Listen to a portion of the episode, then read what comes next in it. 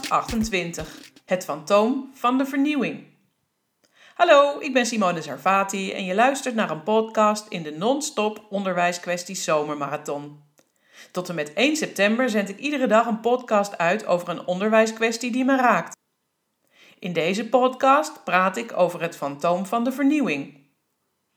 Nieuwe impulsen hebben volgens natuurwetten vechten, vluchten of verstarren als angstreactie. Zo ook onderwijsvernieuwing. Op het handjevol mensen na dat oprechte nieuwsgierigheid vertaalt in het kijken naar kansen, blijft de massa op zijn hoede met die genoemde angstreacties als uitingsvorm.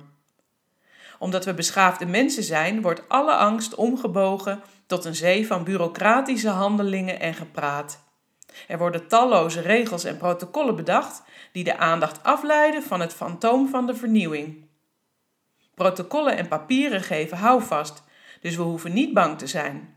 We hoeven ook niet meer zo na te denken, want het systeem werkt voor ons. De illusie van handige systemen die de veiligheid waarborgen.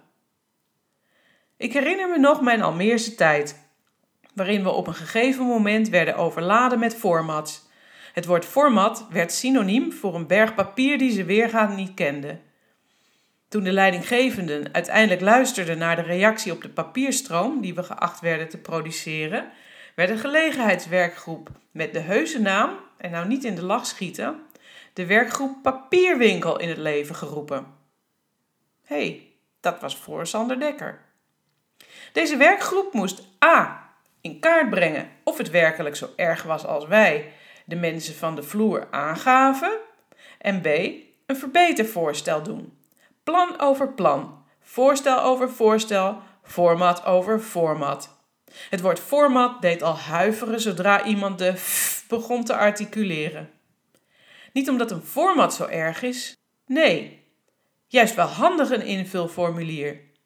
Maar waar het voor stond. Onhandige documenten die de technische vormgeving niet mee hadden door verspringende regels en kolommen. Een zoveelste document dat moest worden ingevuld, waardoor de computertijd verder toenam ten koste van de tijd die met leerlingen of hun leraren besteed had kunnen worden. Wouter Hart beschrijft in zijn boek Verdraaide organisaties precies de beweging die ook in het onderwijs zichtbaar is. We zijn afgedreven van de bedoeling om in het putje van de systeemwereld weg te spoelen. En dat is jammer, heel jammer. En dat moet echt anders, want een deel van het lerarenkorps dreigt hierop leeg te lopen of voortijdig af te haken. En dit zijn in mijn beleving vooral die professionals met hart voor de kinderen. Die mensen die bewust voor het beroep, is het een roeping, van leraar hebben gekozen.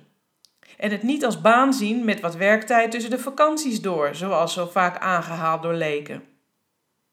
Om werkelijk te vernieuwen moet je het oude loslaten. Zie het als een soort vervellen.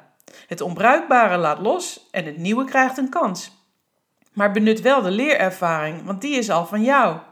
En die leerervaring is zo belangrijk voor de ontwikkeling. Focus en geef aandacht aan wat wel moet. En als je daarin wakker wordt, zal je zien dat het fantoom heus niet zo eng is. Tot zover het fantoom van de vernieuwing. Wil je reageren op deze uitzending of wil je een keer meedoen met een opname? Stuur dan een mailtje naar simone.servati.nu. Als je het interessant vond, deel deze podcast dan. Weet dat ik het waardeer en weet ook dat je meer informatie over passend onderwijs kunt vinden op mijn website.